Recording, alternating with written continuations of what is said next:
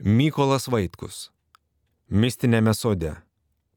Kunigų seminarija Kaune 1903-1906 metai. Atsiminimai. Įvilktuvės ir kitos apėgos. Per šviesias ir liūdnas valandas laiko ratai nešė mus į žymaus įvykio link. Senojo spalio 19 dieną mes pirmokėliai būsim įvilkti, žinia be prievartos, į kuniginius drabužius.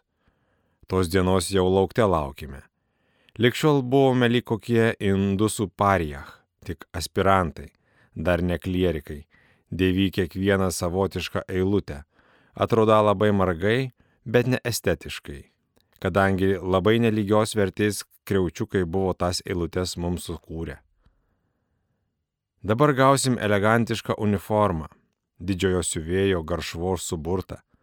Būsim lyg puskunigiai, o atrodysim dargi kaip tikriausi kunigai. Ir vėliau ne vienas ten plačiajam krašte palaikys mus kunigėliais, bent taip pavadins.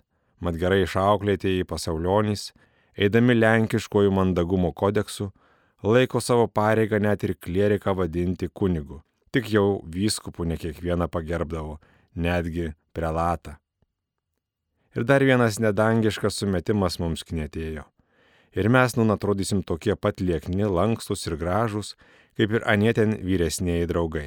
Iš tikrųjų taip tinkamai paslėpia beveik visus kūno negrakštumus ir iš kelmo padaro įmanomą baslį. Bet, žinoma, ne vieni tokie idealai mus žavėjo. Kaip tikri žmonės turėjome visas jų įdas, bet kratėmės jomis gana narsiai ir kėlėme akis į aukštį. Bus tai garbinga mūsų luomo uniforma, mylimosios motinos bažnyčios nustatytoji ir mūsų meiliai priimamoji. Kad valios būtų geros ir netokios jau silpnos, parodė vėliau gyvenimas. Beveik visi garbingai išnešiojo ją iki mirties, netgi kankinio mirties. Artyn, artyn laukiamoji diena. Kaip jaunikiai prieš vestuves ruošiamės kuo padoriausiai apsitaisyti. Žinomasis siuvėjas garšva pagaliau drabužius atnešė. Apsivilkome patikrinti. Garšva šelmis giria susiriesdamas, kad mes atrodo kaip paveiksliukai. O ir mums patiems, liurbeliams mažne, taip pat atrodo, ypač kad toks specas dar teigia. Vyresniai draugai maloniai prisimindami tokią pat savo dieną duoda draugiškų patarimų. Apsivilkę gerokai pasivaikštinėkite, pasimankštinkite, kad paskiau ne vietoj kojos nesusiveltų ir nepargriūtumėt, ypač lipdami laiptais. O ir pripraskite skubiai segiotis tą nesuskaitomą skaičių sagučių, ypač tai svarbu ryto metą, kai tiek maža laiko atsikėlus apsitaisyti. Įvilktuvių diena. Keista, nun apie ją beveik nieko nebeatsimenu, netgi nei kas įvilktuvių ceremoniją atliko. Bet atsimenu, jog išėjom viešumon pirmas iki truputį susivaržę, betgi ir pasididžiuodami. O vyresnėji draug su mumis nušvitę sveikina, sveikina žodžiais, o daugelis atsiuntė sveikinamų gražių ant grabaičio paveikslėlių. Vadinas, jau esame tikri klerikai. Ir turbūt niekas tą dieną nemanė tą padėtį pakeisti ir dumti pasaulį. Manau, netgi nei tie, kur netrukus tai padarys. Kai visi klierikai nuėjom į katedrą, dabar jau mums pirmokams nebereikėjo skyrium lipti į aną šventąjį, kaip sakant, vištininką viršui presbiterijos, o ėdi draug su kitais į kuniginę bendrąją zakristiją, apsivilkus dailę baltute kamžą ir iš ten padoriai bei garbingai po du žygiuoti į puikiąją presbiteriją, po keturis visus stojant prieš didįjį altorių ir grakščiai, bent taip mums patiems atrodė, nusilenkiant ir toliau einant į švenčiausiojo koplyčią valandėlę pasimelsti. Toji koplyčia. Kai ją pirmą kartą išvydau, stepte nustebau, be ne per kokį stebuklą patekęs į Liepojus bažnyčią. Visiška kopija ir architektūra, ir ištapymų. Iš švenčiausiojo koplyčios tą pat tvarką grįžom į presbiteriją ir pirmą kartą reikiamai apžvelgėme, kurie to dar nebuvome pirmiau padarę, visą didingą Dievo šventyklą. O kokia ji mums pasirodė didelė ir graži. Taip, bet ji ir vėliau man vis tokia pat atrodydavo, net regėjus panašias šventyklas svetur. Ir aš visai sutikau su lenkų rašytoju grafu Tarnovskiu, jog tokios didingos bažnyčios nebūtų galėjęs pastatyti niekas kitas, vien didysis Vytautas. Man ypačiai patikdavo eiti katedroje kitų klierikų eilėse per procesijas, ypač vakarais su švenčiausiuoju, su žvakėms į rankose. Tos ilgos tiesios baltos žiburiuotos eilės tarp dviejų tamsių mūrų pasaulionių minios. O kad ta klierikų grūtė būtų kuo tiesiausia, jos vidurių rankas dailiai sunėręs vaikščio ten ir atgal ceremonijorius, dar vieno ar dviejų padėjėjų pagelbimas, tuo būdu tą baltąjį upelį vis išlygindami. Nepaprastai man patiko tų metų ceremonininkas, toks gana aukštas, o lieknas ir labai grakštus klierikas, dailę iškeltą galvą, gražių veidų blondinas, maldingas, ramus, rimtas. Kas jis toks? Norėčiau pasižinti. Pagal seminarijos nuostatus jis trečiojo kurso klierikas. Vėliau sužinojau, jog tai Vladas Taškūnas, doras gabus vyras. Vėliau ir susipažinau, o paskiau gyvenime ir labiau suartėjau. Ir niekuomet nesigailėjau, tai buvo tikrai vertinga asmenybė, gražios krikščioniškos dvasios, kurios įžymiausiai bruožai buvo aukšta inteligencija, gera širdis, didelis idealizmas, idėjinė drąsa, tiesos atvirumas, garbės bei turto neieškojimas, karžygiškumas.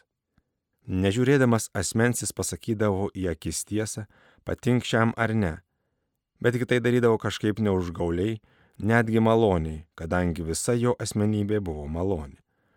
Daugelis senųjų amerikiečių turite jį pažinti, nes jis ilgokai yra veikęs Amerikoje, o paskiau grįžo į Lietuvą, kurią rimtai ir giliai mylėjo. Prieš pat grįždamas į tėvynę jis buvo Northwoodo Mas klebonu.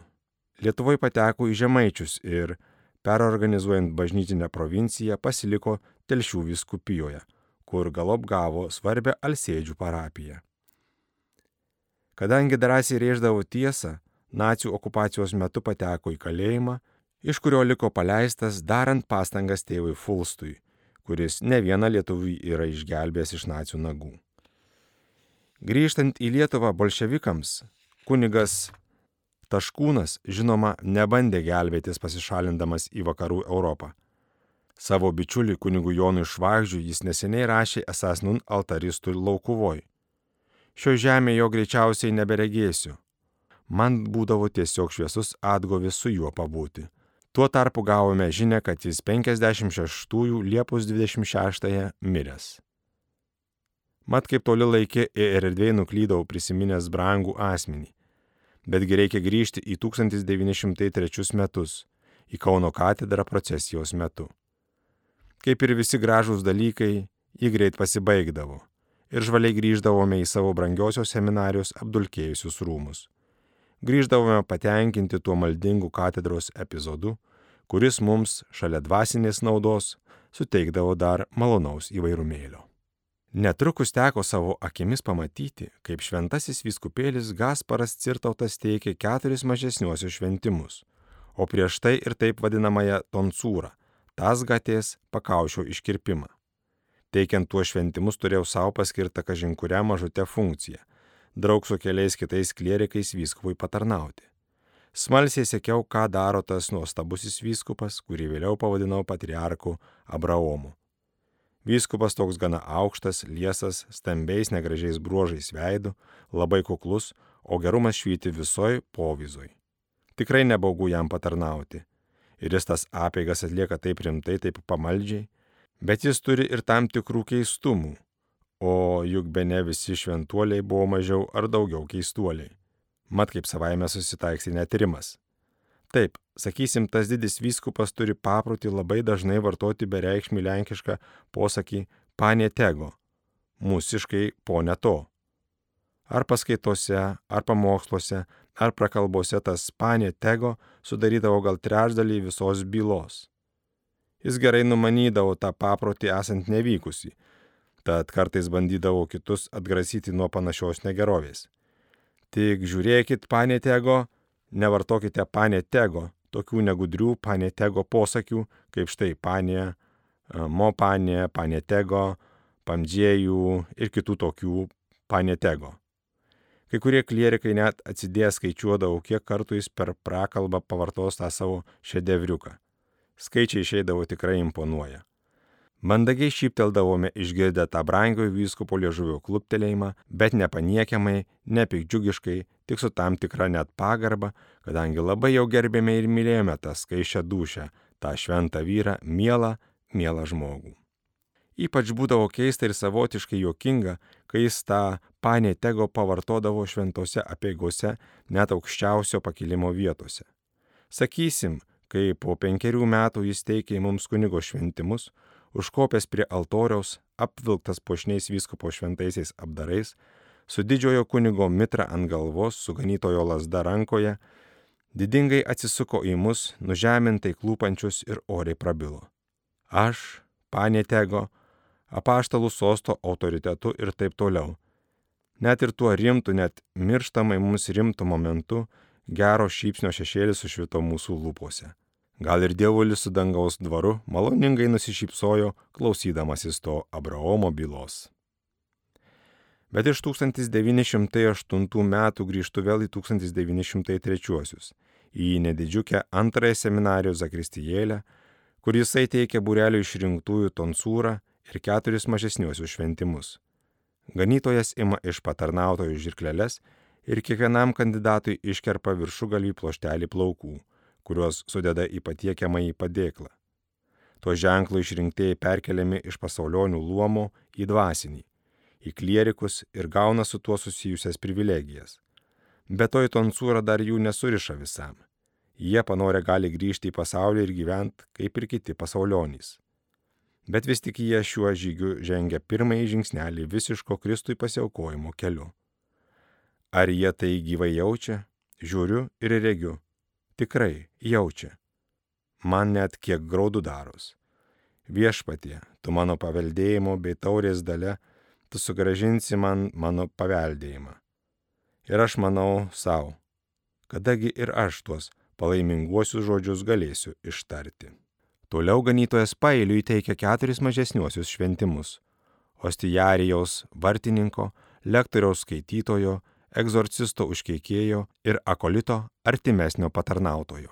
Kiekvienam laipsniui skirta tam tikra pašvenčiamoji formulė ir įteikiamas tam tikras daiktas, to laipsnio paskirties ženklas. Ta formulė šventintojas skaito labai atidžiai, kad šventimas būtų galiojęs. Čia nevalia įterpti kokių pašalinių žodžių Na, o vyskupas Cirtautas kaipgi išturėjęs nepridūręs formulė savo mylimojo panėtego. Taip atsitiko ir šį kartą. Ir kągi, vargšas šventintojas norėtų, jei būtų galima, tuo žodžius lyg guma trinte ištrinti, kad jie paliktų lyg visai netarti. Tad jis energingai daro ranką panaikinamą į mostą, sakydamas, Ničeba, ničeba, nereikia, nereikia, ir tuo būdu dar pablogina padėtį, pridurdamas dar keletą pašalinių žodžių. Tegu kunigas daktaras Juozas Lesauskis ar kuris kitas tos patvirties subtilus teologas sprendžia, ar anas šventimas buvo tikras, o aš jau nebežinau. Kalėdos, nauji metai, karas, šventimai. Jau arti Kalėdos, uoliai mokomės, kad gražiai baigtųsi pusmetis ir galėtume ramiai atsipūsti. Laimingi trečiokai bei ketvirtokai su penktokais, jiems leista išvažiuoti į pasaulį atostogų, o mes pirmokai su antrokais, kaip dar gerai nesusitupėję klerikėliai, kuriems pasaulis dar didžiai pavojingas, turėsim pasilikti švenčių švęsti seminarijos uždorį.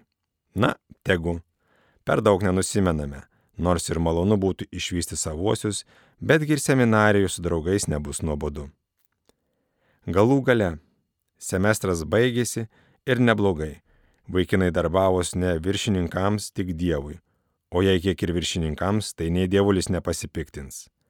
Linksmai klegame, lydėdami laimingesniosius draugus, kurie galvotrukščiai skuba išsprūkti į miestą šio to apsipirkti, o paskui dumti namoliai. Mums pasiliekantiems kiek liūdnoka, betgi negalime ir nesidžiaugti draugų džiaugsmu. Šturmas baigės. Seminarijoje pasidarė kažkaip keistai tylu. Kągi, pusė avilio ištuštėjo. Likusieji taikstomės prie pakitusios padėties o padėtis tokia. Dabar rytais kelsimės valandą vėliau, šešiomis.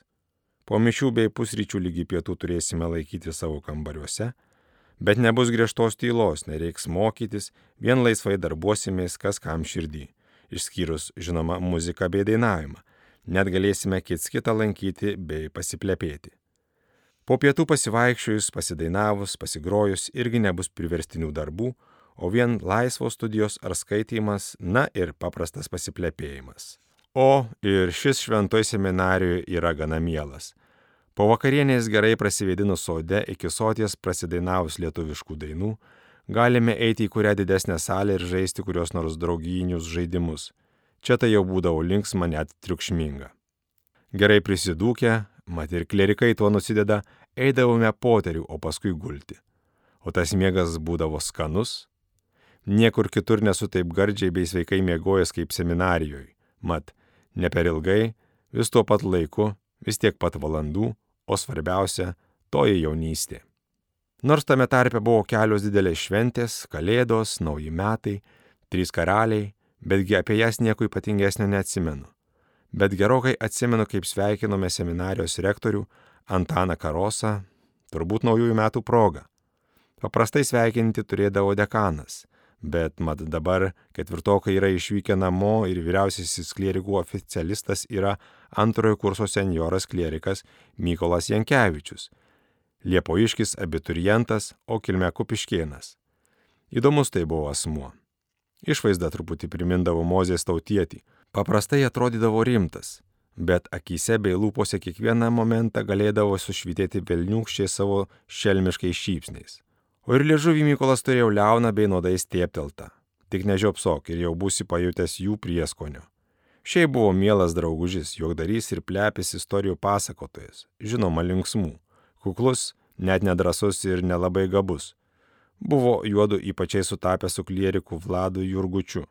Šiam imponavo Jankievičiaus aštrokas liežuvis bei geras linksmas būdas, o ir toji keistoji kupiškėnų tarmė, kurios klausant iš vikriųjų Mykoliuko lūpų visuomet darydavo kažkaip šviesiau. O Jankievičių imponavo Jurgučio gabumas bei išsilavinimas, žinoma ir malonus būdas, tad juodu laikydavosi iš vien. Vadinasi, nuėjom abu kursai pasveikinti savo rektoriaus, iš anksto džiaugdamiesi pamatysę tą mielą keistuolį ir iš jo gal ką nors įdomaus išgirsi. Tuo jis buvo mūsų tarpe garsus. Nuėjome, susikimšome ne per dideliame pirmajame jo kambarį ir senjoras Jankievičius žengė į priekį pragalbos pasakyti, kurią buvo, žinoma, paruošęs namie, nebe to paties Jurgučio pagalbos. Pradėjo, kaip ir buvo nustatyta, lenkiškai, pasakė keletą sakinių ir užsikirto. Jurgutis kužda, bando padėti, senjoras dar stumės šiek tiek, šiek tiek, bet galop visai sustoja Mums ir įdomu, kas bus, ir nejauku, vis tik geras draugas. Ir kągi rektorius? Nagi, jis ramių ramiausiai vargšui sako, lenkiškai. Nieko, nieko. Rezultatas juk vis tiek tas pat. Ačiū. Ir pradeda atsisveikinti. Einame namo gyvai diskutuodami, ką reiškia tas rektoriaus posakis - paguoda senjorui ar pašiepimą, ar abu kartu. Tad baigės 1903 metai, kurių didžiausias įvykis be nebuvo genialio popiežiaus Leono XIII mirtis ir būsimojo šventojo Pijaus X išrinkimas. Prasidėjo 1904 metai, atnešantieji Lietuvai, o ir visam pasauliu reikšmingų įvykių. Betgi mes, žemaičių seminarijos klierikai, to nenujautėme, ypač kad neskaitėme jokių dienraščių, o ir politinių savaitraščių vien savo mokslo liečiančius dalykus. Dabar, po tiek daug metų, manau, jog ne ką ten nustojome dienraščių neskaitydami. Kaip dvasiai maistas, tai vien čiaudai. Sugryžo iš atostogų draugai, bet ir jie nieko ypatingo nepapasakojo. Iš mano žemaičių kampelio sugryžo Petras bei Juozas Gudauskai ir Šveistrys. Miela buvo pasikalbėti. Namie viskas besa kaip vien reikiant. Naujasis klebonas Juozas M. narsiai bevajavoja su tikrais ar tariamais priešais, o turės nepaprastą talentą visų jų susirasti. Bet nei jie, nei kiti klerikai nieko nepapasakojo, nes ir nežinojo apie besirenkačius viršum Rusijos audringus debesius, kylančius iš tolimų rytų. Ir niekas iš klerikų nenujauti, kad vasario pradžioj Japonai kaip žaibas iš gėdro dangaus skirs rusams per knyslį, už ką jie begėdiškai lenda vis gilin į svetimas žemės, į kurias daugiau teisės turėtų japonai. Vasario 8-ąją japonų admirolas Togo rusų svečiuose nelaukiamas užpuolė Port Artūro uoste besipuikuojančią stiprią rusų laivyno dalį. Kai kuriuos karo laivus paskandino, kitus stipriai apgadino ir glaudžiai užblokavo uostą, kad rusai nebegalėtų išeiti į laisvą jūrą. Nieko nebelaukdami, japonai išlaipino Korėjui netoli Jalų upės pirmąją savo armiją, generolo Kurokio vedamą prieš rusų karo dalykų žinovą generolą Kuropatkiną. Ir prasidėjo tas keistasis karas milžinės Rusijos su anuomet nediduke Japonija.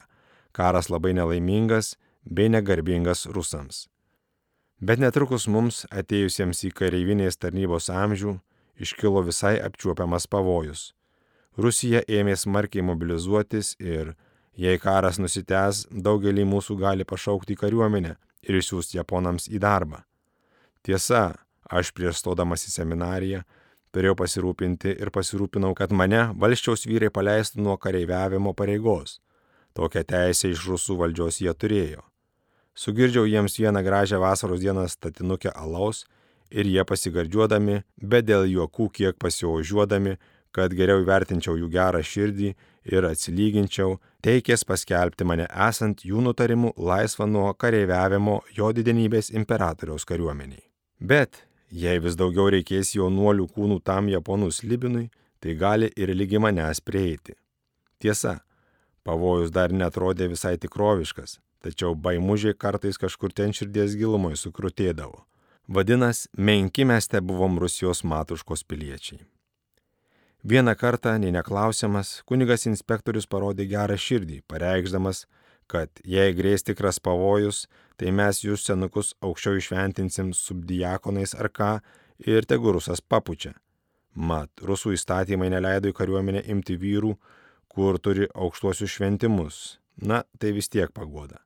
Nors, antra vertus, irgi baimė ima jau taip veikiai galutinai ryštis visai mesti pasaulį, kai žmogus dar ne iš tolo nežinai, ar turės pašaukimą.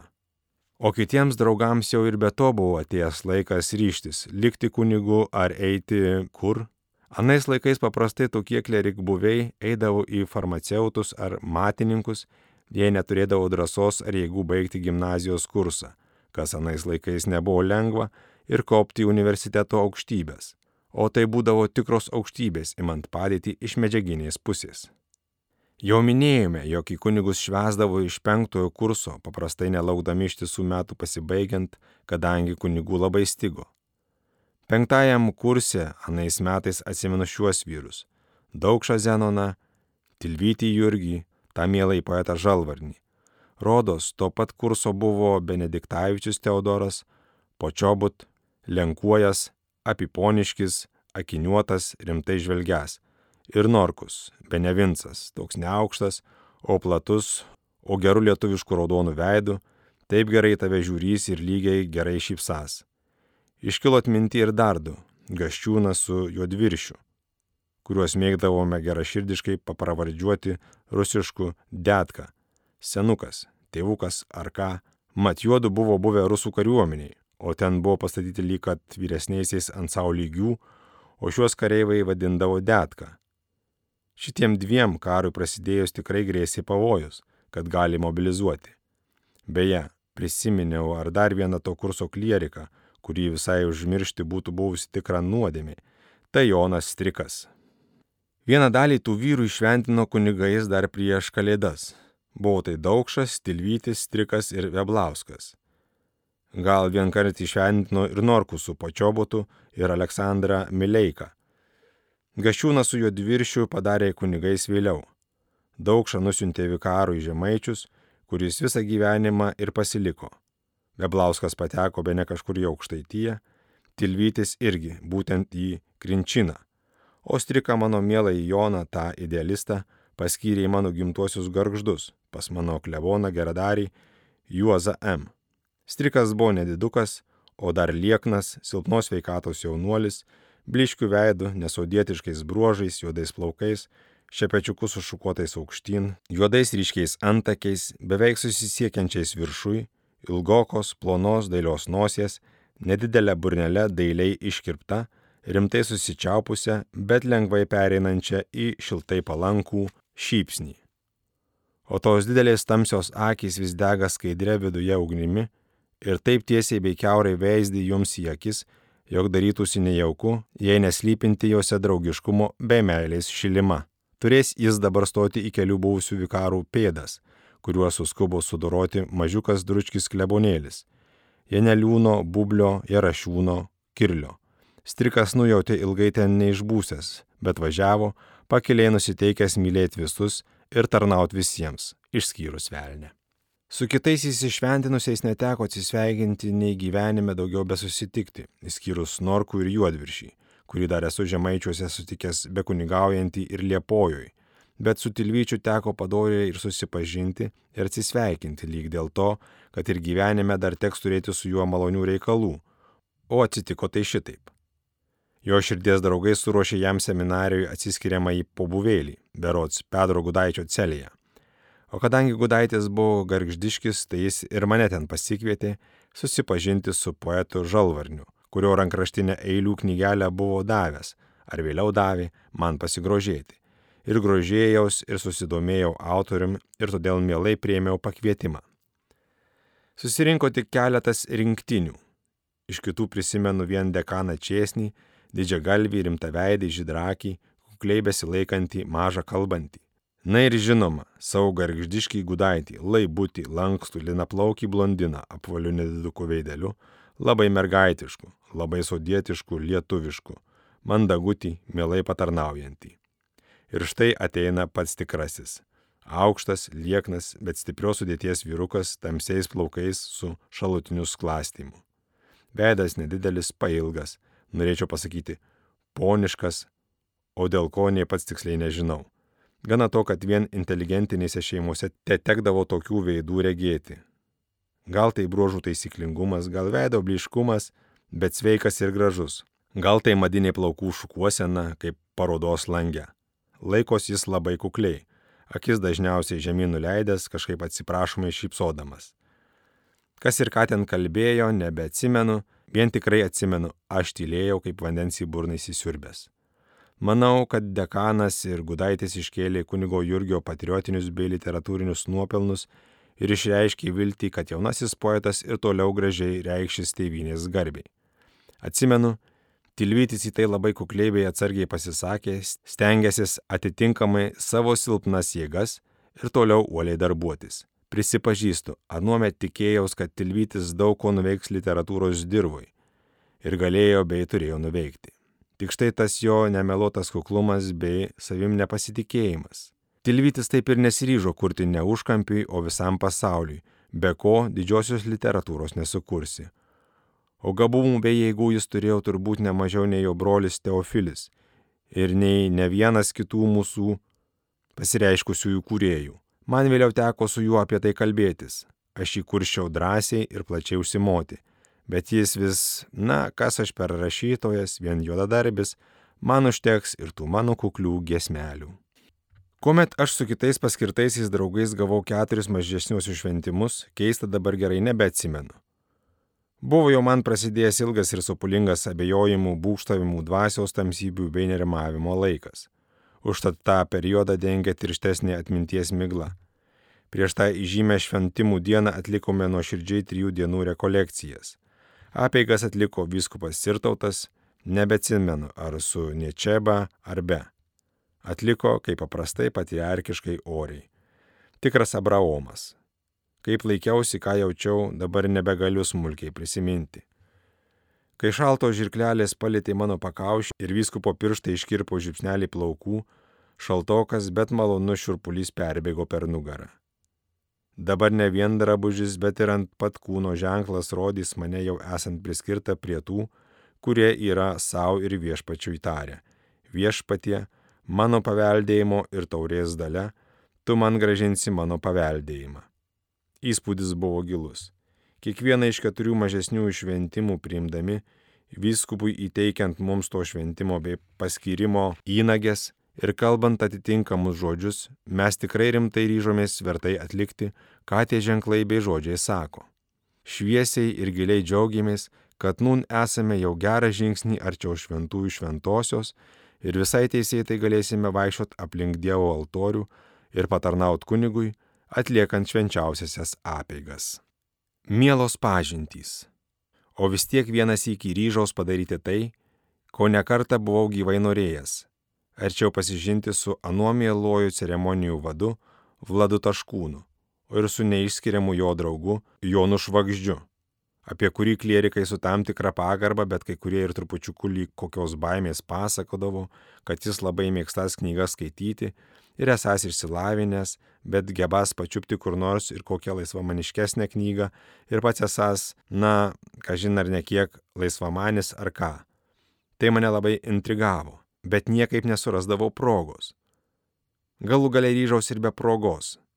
Jei kalnas neina pas Mahometą, tai Mahometas gali nueiti pas kalną.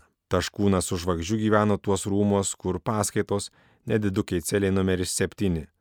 Durys kaip durys, o vis tik lyg bukštus tuksent. Betgi pastuksenau. Prašom, pasigirdo malonus, lyg miglotas, lyg nosinis taškūno balsas. Įsikvėpęs drąsos, narsiai žengiau į slėpiningąjį aukso paukštės lizdą. Bet čia ne viena paukštė, o dvi - balandis Vladas ir kovas Jonas. Būtų užtekę vieno balandžio, bet ir kovukas tegu savo liekti. Du veidai, kiek nustebę, laukiamai veisdė į mane, o aš į juos irgi neaiškių žvilgsnių. Reikia pagaliau tą nekokią tylą pertraukti. Tad naudojus gerų seminarijos papročių, tai gerai bylai tylai pertraukti ir jos auksą iškeisti išnekos sidabrą. Liaudėtų ir Jėzus Kristus, sakau gana maldingai. In secula seculorum, atsako varšaviškų balselių balandis taškūnas. O gal ir kovas švagždys prisidėjo, nebepastebėjau, kadangi regėjau ir girdėjau vien didįjį ceremonijorių, klierikų galiūną, kuris per ceremonijas gali į nusiminimą įvaryti bet kurį neceremonininką. O jis žiūri į mane gana abejingai, gal kiek žaismingai ir kviečia sėstis.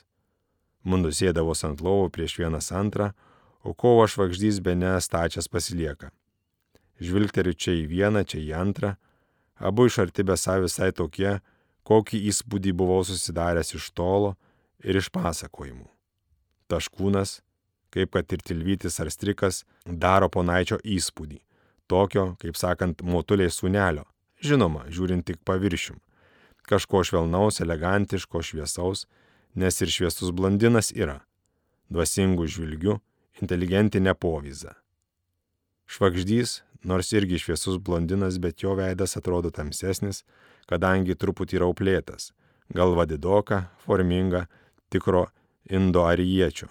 Veidas protingas, akis žibėtė žyba viduje ugnim, lūpose sarkazmas trūkčioja, jis irgi netrodo sodietiškai, priešingai, manytom iš pažangių miestelėnų, truputį revoliuciškai nusiteikusių. Kaip aš jėdvėm ten pasiaiškinau, dėl ko atėjęs ir apie ką ten kalbėjome, smulkmenų nu nebetmenu. Teko daugiausiai man pačiam šneką palaikyti, kas anais laikais man netrodė sunku. Šiuodu kalbėjo gana mažą, lyg atsargiai, lyg stebėdami, lyg egzaminuodami mandagiai. Taškūnas šnekėjo iš lėto, pasišypsodamas, protingai, apvaliais dailiais sakiniais, truputį nonšaliantiškai, atsiprašau, ar nebūtų galima lietuviškai pasakyti, lyg niekur niekiškai. Švagždys kartkartėmis žaibų įsiterpdavo vykusiomis pastabomis, su druska, uksum ir pipirais. Žiūriu, ogi su juo reikėtų atsargiai, tuoj tave pamaus ant iešmo. Mano vizitas nebuvo ilgas ir atrodė, ne ką te laimėjau.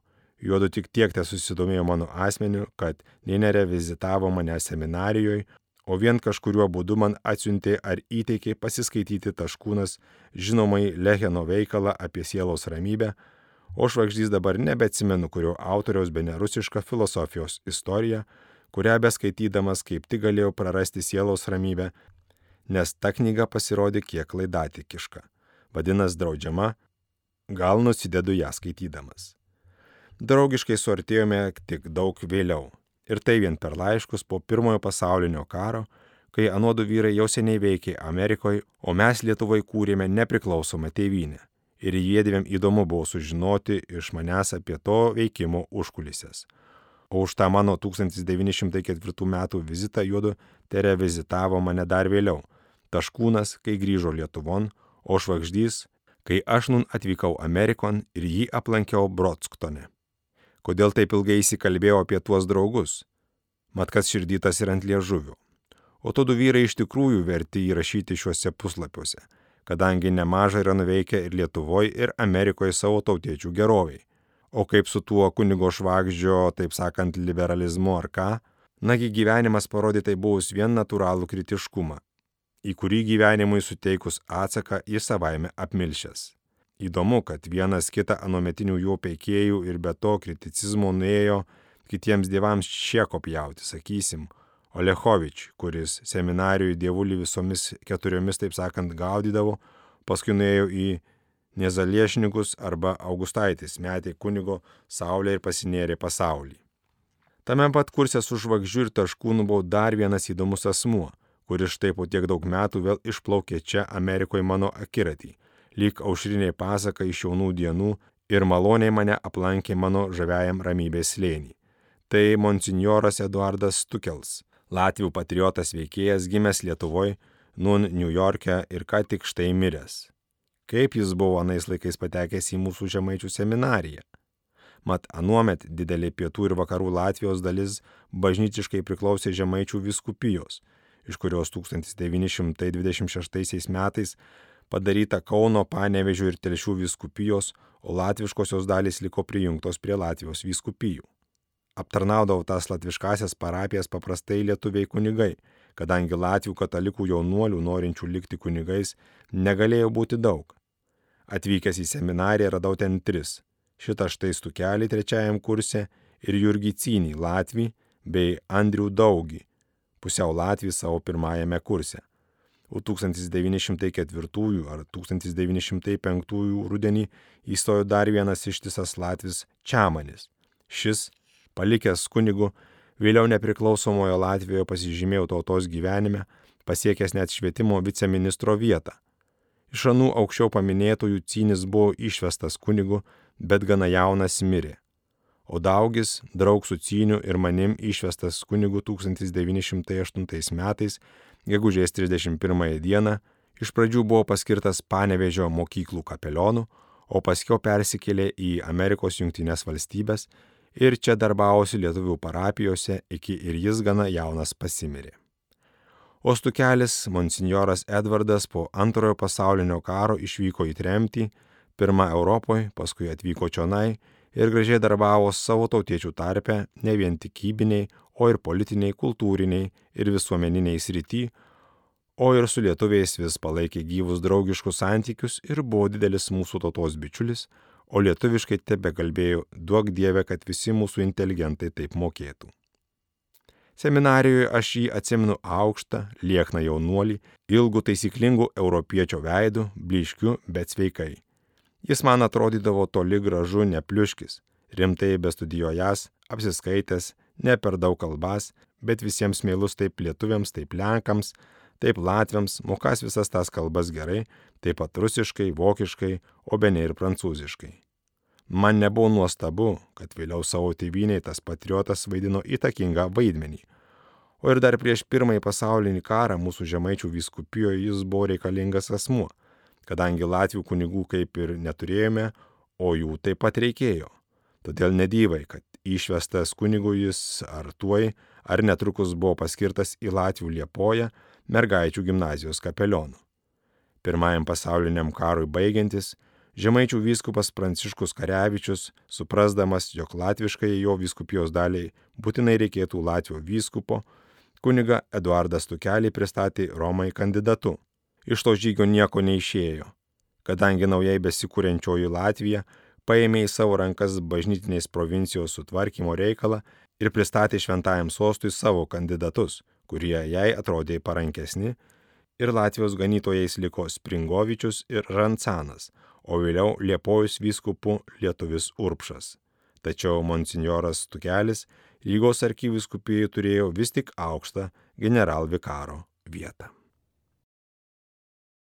Klausėtės ištraukos iš Mykolo Vaitkaus prisiminimų knygos Mistinėme sode. Skaitė Remigijus Endriukaitis.